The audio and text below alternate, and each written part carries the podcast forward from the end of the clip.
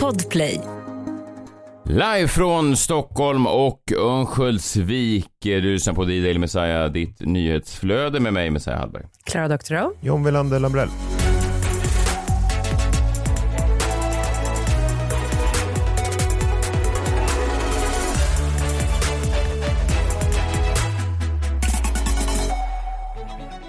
Välkomna hit alla som lyssnar. Extra välkomna till eh, Emma och Jennifer. Jag har hört att ni eh, lyssnar eh, varje dag, det har er mamma sagt. Va?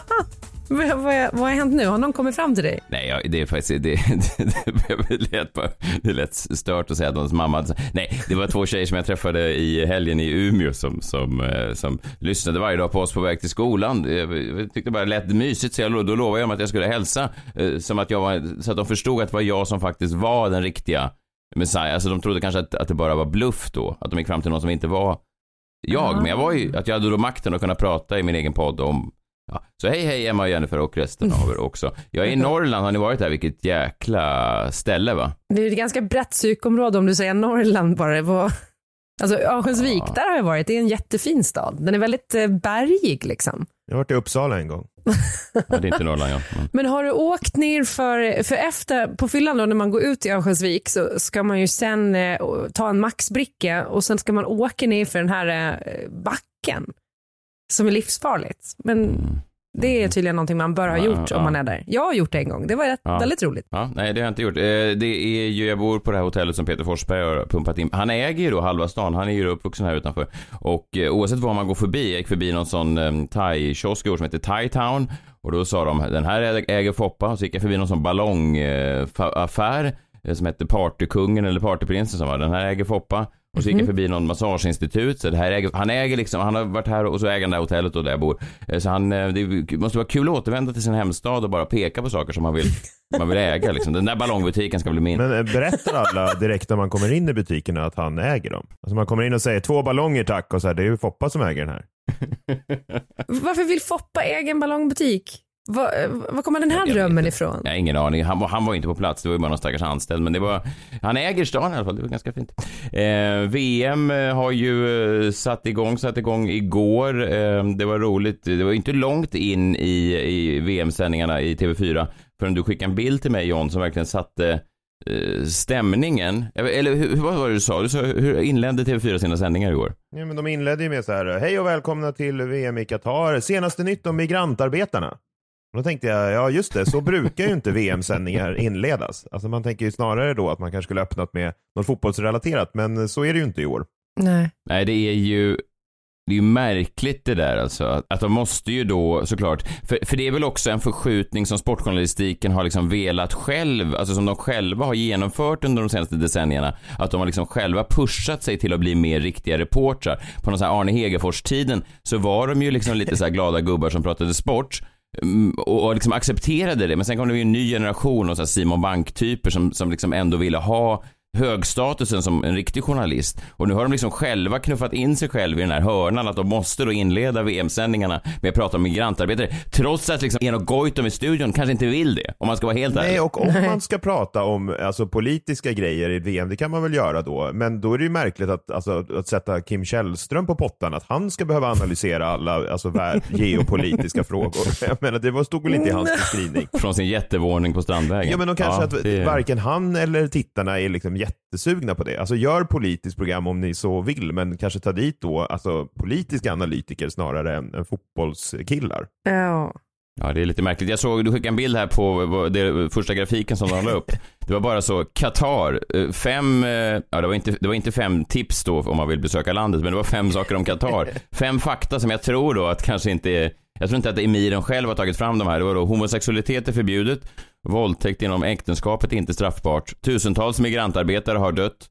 Olagligt att uttala sig kritiskt mot emiren. Ja, nej, då är det inte han. Och sen sista eh, punkten här, det är ingen demokrati eller pressfrihet. Så det var ju, ja, väl, välkommen till VM. Ja, men det är liksom ja. ingenting om hur viktigt det är att vinna kampen på mittfältet. nej, nej, nej. Nej, det är svårt tror jag för sportjournalister nu att behöva liksom göra de här avvägningarna hela tiden. För såklart de, de hellre pratar glidtacklingar än döda migrantarbetare. Förutom Olof Lund möjligtvis. Ja, förutom han. Men de, de får börja ta in den här Hen- Henrik Ekengren, eh, den här statsvetaren i, som är SVTs valvaka istället. Alltså det är ju mer passande då om man ska prata politik. Ni hörde det här eh, lite bisarra talet från Fifa-presidenten Gianno Infantino i, i helgen. Ja. Han hade ju då suttit hemma och skrivit en, eh, eh, ett tal på det här temat, eller han hade ju då förberett sig såklart på kritiken som skulle komma, eller som har varit nu sedan Qatar valdes till värdland.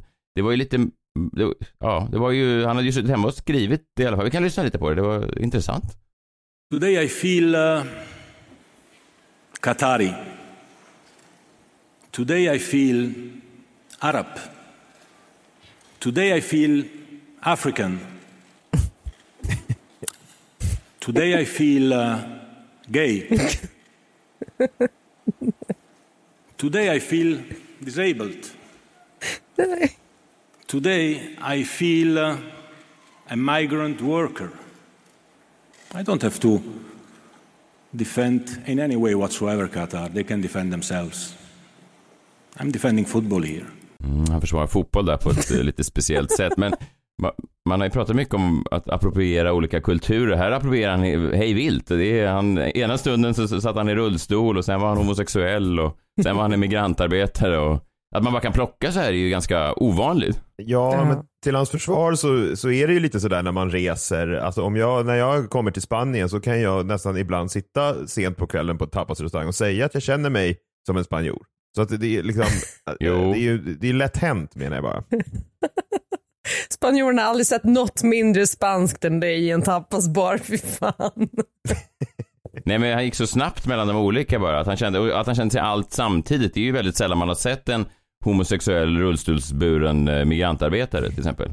För man tänker om man då satt i rullstol så skulle man kanske inte få anställning som att bygga alla de här. Till exempel. För jag tänker. Alltså det är svårt att kombinera dem, men man kan ju vara dem på var för sig, men att man aldrig sett dem samlade i samma kropp. Nej, för det vore ju väldigt imponerande. Alltså, väldigt. Jo, verkligen. Men Sen ska man ju, han är ju då inte alls arab som han sa, han är ju då född i, i Schweiz. Så att det är ju...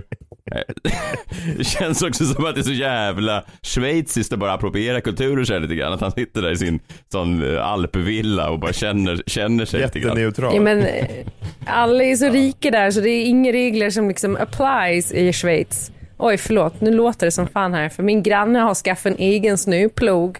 Så, så rika är vi i Huddinge va? De gick ut och varnade i, eh, i Stockholmsområdet att, eh, att folk ska hålla sig hemma idag den här måndagen. Så jag vet inte, ni som lyssnar på det här, ja norrlänningar som lyssnar på det här kanske känner att det är väl ingenting att hålla sig hemma för.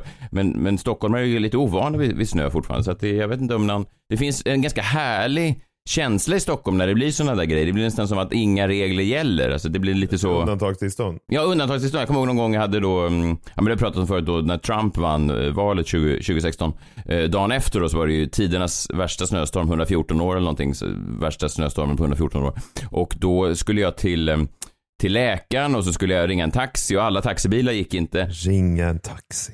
Ja, man ringde taxi 2016, fanns väl inga appar då? Nej, det fanns inga appar 2016. Nej, inga taxiappar Nej, i alla det fall. De kom 2000, Ja, Nej. absolut. Eh, och eh, så, skulle jag ringa eh, eh, sjukhuset då och då sa de att eh, nej men vet du vad, läkaren har faktiskt ringt in och eh, sagt att han kommer heller inte in. Så det var, liksom, det var väldigt som Bullerby-känsla att ingen, om man inte hade en släde var det omöjligt att se fram. Det kändes som det där hemska jävla avsnittet av Emil i Lönneberga, kommer ihåg det, när, när han ska ta någon med blodförgiftning Alfred på släden. fått blodförgiftning. Ja. Ska dö.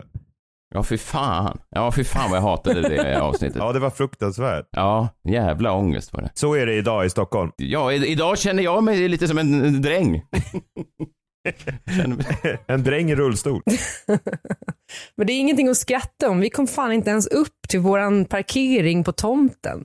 Helt omöjligt. Alla Det får man bilar har inte fått skratta åt. bärgningshjälp här nu eh, under dagen. Så att, eh, nej, det var, inte, det var inte enkelt. Inget att skämta bort. Nej, verkligen inte. Nej, det är fan inget att skämta bort. Man får skratta jag- åt mycket, men inte att ni inte kom upp på parkeringen. Och tänk då också om jag hade satt, suttit i rullstol, hur svårt det hade varit för mig då. Och varit homosexuell.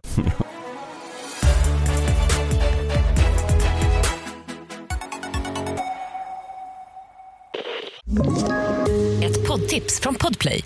I podden Något Kaiko garanterar östgötarna Brutti och jag, Davva, dig en stor dos skratt. Där följer jag pladask för köttätandet igen. Man är lite som en jävla vampyr. Man har fått lite blodsmak och då måste man ha mer. Udda spaningar, fängslande anekdoter och en och annan arg rant. Jag måste ha mitt kaffe på morgonen för annars är jag ingen trevlig människa. Då är du ingen trevlig människa, punkt. Något Kaiko, hör du på Podplay. Därför är gardinerna.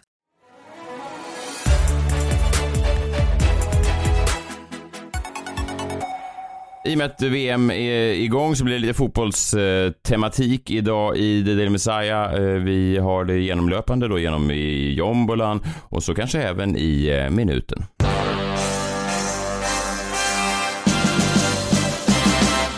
Messiahs minut. Jag tänkte utse eh, i minuten idag helgens största lögner. Det är alltid kul tycker jag när man, John du brukar vara bra på det här ibland och bara liksom utse lite så pristagare, lite prisvinnare från helgen. Det är lite mysigt ju. Ja. Man sammanfattar liksom en tid och så delar man ut ett pris så att folk blir glada också. Eh, man skulle kunna tänka sig att eh, Donald Trump eh, då skulle få det här priset. Han gick ut i helgen och sa att jag är bevisligen en av de ärligaste och oskyldigaste människorna någonsin i vårt land. Det är ju eh, tveksamt och det är väl sällan man säger det om sig själv tror jag också. Vad betyder det? Man vet inte. Han skulle kunna vinna det. Eh, men det gör han inte utan vinnare blir istället då David Beckham för nu har Qatar pumpat ut ännu mer klipp med David Beckham från Qatar. Han är ju då deras ambassadör för det här VMet och har liksom ett, ett uppbundet avtal med dem som sträcker sig över flera år och den här videon eh, har fått cirkulation igen och det här ska då fånga, vad ska man säga, det här är väl den mest kända videon med David Beckham från Qatar. Det är liksom David Beckhams första dygn i landet. Och eh, lögnen kommer i slutet av klippet och det är en, eh, ja det är det är bara en, en konstig sak att säga. Eh, Det här är David Beckham då på besök i eh, Qatar. It's another beautiful day here in Qatar.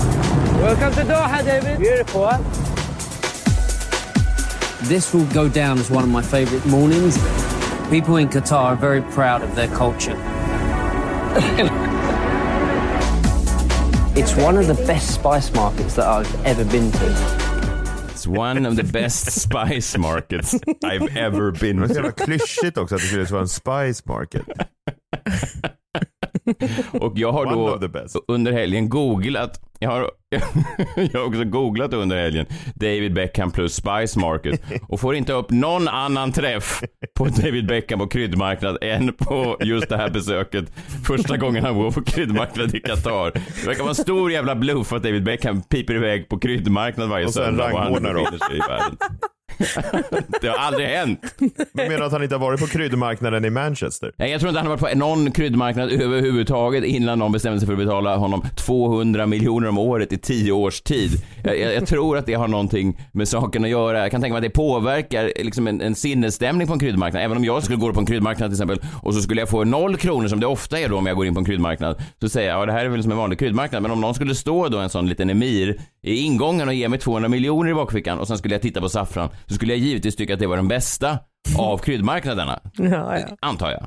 ja. Jag tror att det påverkar. Verkligen. Det är också svårt att se att David Beckham köper sina egna kryddor. Men särskilt med tanke på att hans fru bara äter ångad fisk och grönsaker. Alltså, när använder han de här kryddorna i sådana fall? Han kan ju inte laga någonting med dem. Och det är ju ganska genomskinligt det här när man har då fått så här mycket pengar, tänker man. Men det funkar då. Du John, jag ska inte hålla dig ansvarig, men du jobbar ju mycket med PR, eller gjorde förut i alla fall. Och det, ibland gör ni ju ett bra jobb för vissa journalister, och journalister sätter jag kanske inom citationstecken här, plockar upp det här som att det är liksom en vanlig film på en vanlig brittisk kille som bara besöker en kryddmarknad.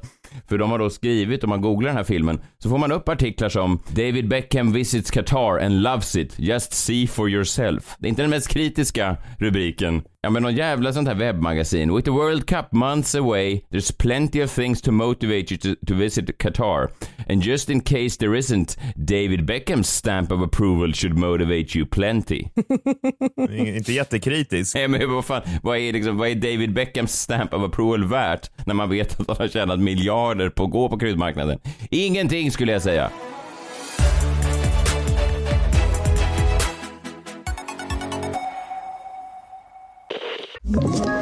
Ett poddtips från Podplay. I podden Något Kaiko garanterar östgötarna Brutti och jag, Davva, dig en stor dos skratt.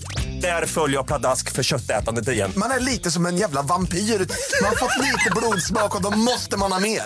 Udda spaningar, fängslande anekdoter och en och annan arg rant. Jag måste ha mitt kaffe på morgonen för annars är jag ingen trevlig människa. Då är du ingen trevlig människa, punkt. Något Kaiko, hör du på Podplay. Därför är gardinerna.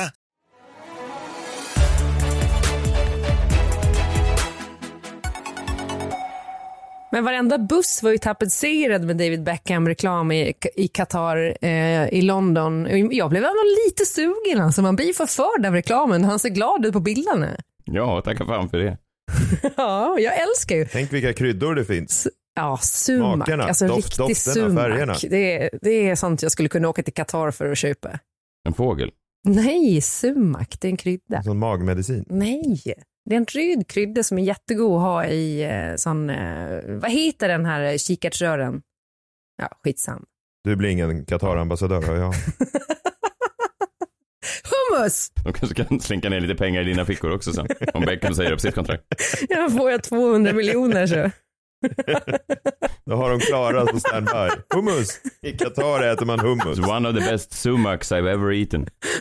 Okej, vi f- fortsätter fotbollstemat lite grann. Jag tror att det är fotboll även i Jombolan och John, eh, nu kommer du trilla av stolen. Vi har fått en, en ny jingel eh, från Mr Winkfield. Ni minns Richard Winkfield? Mr Richard Winkfield, en av de ja, mest propra eh, Jombola eh, vignett eh, kreatörerna. Det är han ju. Han är väldigt bra. Han, har alltid, han jobbar alltid han kreerar alltid då eh, de här melodierna med eh, sån liten hatt på, sån som de har ofta britterna, en sån liten svart hatt. Finns det en bild på honom? Jag ser ju framför mig att han är nästan från ett annat århundrade. En, gen- en riktig Ja. gentleman.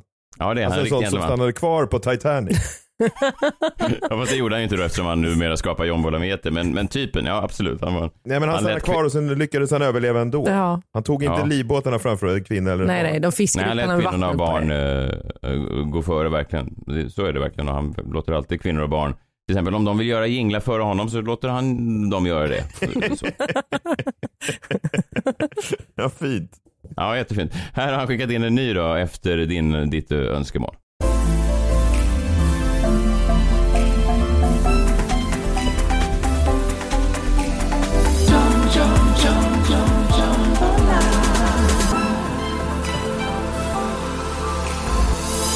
Mm, eterisk nästan, som en, som en dag på stranden. ja, lite sexig sådär. Så där lät det på parklubben jag var på i helgen också. Ganska exakt faktiskt. Jag tycker den ändå håller jombola-temat ganska väl. Förlåt, spelar de den här jombola-vignetten på porrklubben? För då vet jag inte riktigt vad som är värst i vignetten Vad är det för gentleman som har en porrklubb? Ja. De heter i och för sig Gentlemen's Club, så att eh, det är inte helt... Det är för sig sant. Vill du gå på en Gentlemen's Club? Ja, fast varför heter alla Ian och har inga t-shirts på sig? Men, men. Men, men. Okej, vad handlar jombolan idag om? Fotboll? Ja, fotboll och eh, mer bestämt då Cristiano Ronaldos eh, intervju med Piers Morgan som släpptes häromdagen i sin, i sin helhet. Har ni sett den? Nej. Ja, jag, jag har faktiskt inte sett hela, jag har sett eh, st- större delar av den skulle jag säga. om man inte är liksom fotbollsintresserad, lite kort bakgrund då bara. Cristiano Ronaldo var ju en, en Manchester United-legendar som lämnade klubben för eh, flertalet år sedan, 10-15 år sedan då han slog igenom där och vart i Real Madrid och, och Juventus och runt. Eh, och sen kom han ju då förra sommaren tillbaka till Manchester United. Han skulle egentligen gå till deras rivalklubb Manchester City, men då ringde den gamla legendariska tränaren Alex Ferguson upp honom och sa nej, du måste komma hem till Manchester. Och hans tid tillbaka eh, har ju inte riktigt funkat. Han har liksom fallit ut med managers, eh, han har blivit bänkad då. Eh, han vägrade också hoppa in i en match när det bara var tre minuter kvar och, och lämnade istället arenan. Så det har ju varit väldigt så stökigt eh, för honom och eh, han har liksom inte sagt någonting på väldigt länge. Eh, Och därför var det så spännande att höra honom då. En, en man som är då av många ansett som världens bästa som nu alltså är bänkad i, i ett lag som liksom inte ens går speciellt bra i Premier League. Nu ska han tala ut då för första gången. Och eh, han svingade ju hejvilt då mot sin eh, arbetsgivare, sina chefer, sin tränare och sa att eh, de är dåliga, de visar ingen respekt för mig och så vidare. Och de unga spelarna visar ingen respekt för mig. Och, och Det var ju rätt fascinerande då att höra någon tala liksom om sin chef eh, som betalar hans lön då eh, och, och säga en massa dåliga saker. Det var intressant, men det är också intressant att höra Cristiano Ronaldo prata, för man har ju länge misstänkt om man, om man känner till honom att han kanske har ett, ett släng av självgodhet. Han vet att han är bra. Mm. ja. Det är ingen som behöver tala om för Cristiano Ronaldo att du är bra, tro på dig själv. Alltså, du, du är duktig.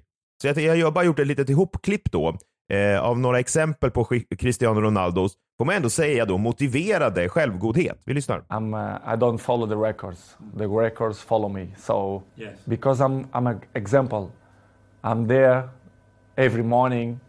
I do the same stuff. I'm probably the first ones to arrive and the last ones to, to go out. Any any movement on the, the wedding bells, Cristiano? I'm not thinking now about that, but I can see in the future. I think she deserves. They want to put me in the first page because they know they will sell more. The dressing will be different. It means that people like me too. I'm charismatic. I think why I'm the number one. Sometimes I ask ask that question to myself. Why me and not another one? Why do you Because think it is? to be honest, I not just only because I I play good football because everyone knows, but I think the rest is is relevant. You have to be charismatic. People have to to feel some connection with you. I think to be good looking helps too. I'm charismatic. Hörde ni också där i mitten, hade jag slängt in, när, vad han svarade om giftermål? Ja. Ja, vad sa han för något? I'm not thinking now about that, but I can see in the future. I think she deserves. Han säger alltså I think she deserves. alltså att hans tjej förtjänar att gifta sig med honom. Ja. Ja, men det är ju nästan som, eh, som den gamla Zlatan-sägningen att du, vad fick din tjej i födelsedagspresent? Födelsedagspresent, hon har ju fått Zlatan. Lite sam- det kanske verkar gå lite hand i hand det där. Ja, men det är roligt att den här tjejen då har liksom arbetat sig upp till att eventuellt då förtjäna ett giftermål med Cristiano Ronaldo. Det är ändå fint. Men det här var roligt med intervjun och det var väl kanske, jag tycker att det är väl, det är väl motiverande. Jag tyckte också att det var väldigt eh, befriande att höra Cristiano Ronaldo prata på det här sättet. Man har ju länge, alltså som fotbollssupporter säger ju alltid man hör aldrig från spelen, de verkar bara vara robotar och hjärndöda. Jag tycker att det här var ganska intressant att, att höra honom prata i alla fall. Men det som kanske jag tyckte var mer intressant, det var ju då Piers Morgan. Honom har ju vi pratat om tidigare. Ja, men han vill väl eh, branda sig som en riktig skjutjärnsjournalist. Han har ju det här nya YouTube-programmet Piers Morgan Uncensored, eh, där han ska liksom ställa de tuffa frågorna, eller hur? Mm. Han försöker i alla fall marknadsföra sig som det, men jag undrar om det var så tuffa frågor som Cristiano Ronaldo verkligen fick. Jag tycker snarare tvärtom. Alltså, I sådana fall så ska man ju då hitta en tuff intervjuare som ställer de tuffa frågorna till dig, som Piers Morgan ställer de tuffa frågorna till Cristiano Ronaldo. Vi lyssnar på ett axplock av det. You started briefing journalists that you weren't pressing enough and that maybe it would be a good idea if you moved on from the club. And I'm like, who is this guy? And why is he saying this to the man who's scoring the goals? I find that, I just find that incredible. That if I was a young footballer and I had Cristiano Ronaldo at my club, that I wouldn't want to spend every second watching him, listening to him, observing the way you go about your business. And yet, from what you're saying, clearly, that's not they're not interested. Half a billion followers on Instagram. I mean, that's insane.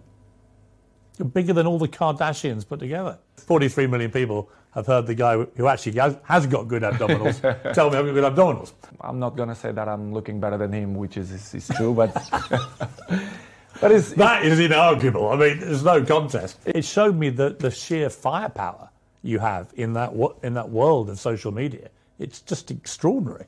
The problem you have is you're too famous.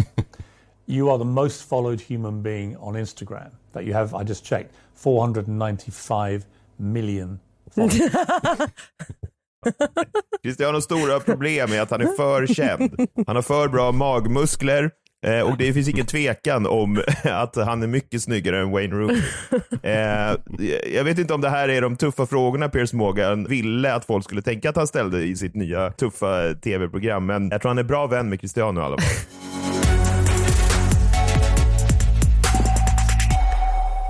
Tack för att ni har lyssnat. Eh, Det var eh, ja, premiäravsnittet för den här veckan. Eh, Nu är det ju VM en månad så vi kanske försöker sticka in lite fotboll ändå. Jag vet inte om ni ens gillar fotboll. Vissa av er gillar väl fotboll, men ibland kan jag känna att det är dumt om det tar över för mycket. Så vi ska försöka liksom droppa små hintar av fotboll under den här månaden, men inte att det blir liksom en fotbollspodd. Idag är det ju England-Iran bland annat, tidig match. Det är lite kul att se. Den ska jag kolla på. Vi hörs imorgon. Ta hand om er. Hej, hej. Hej! Hej!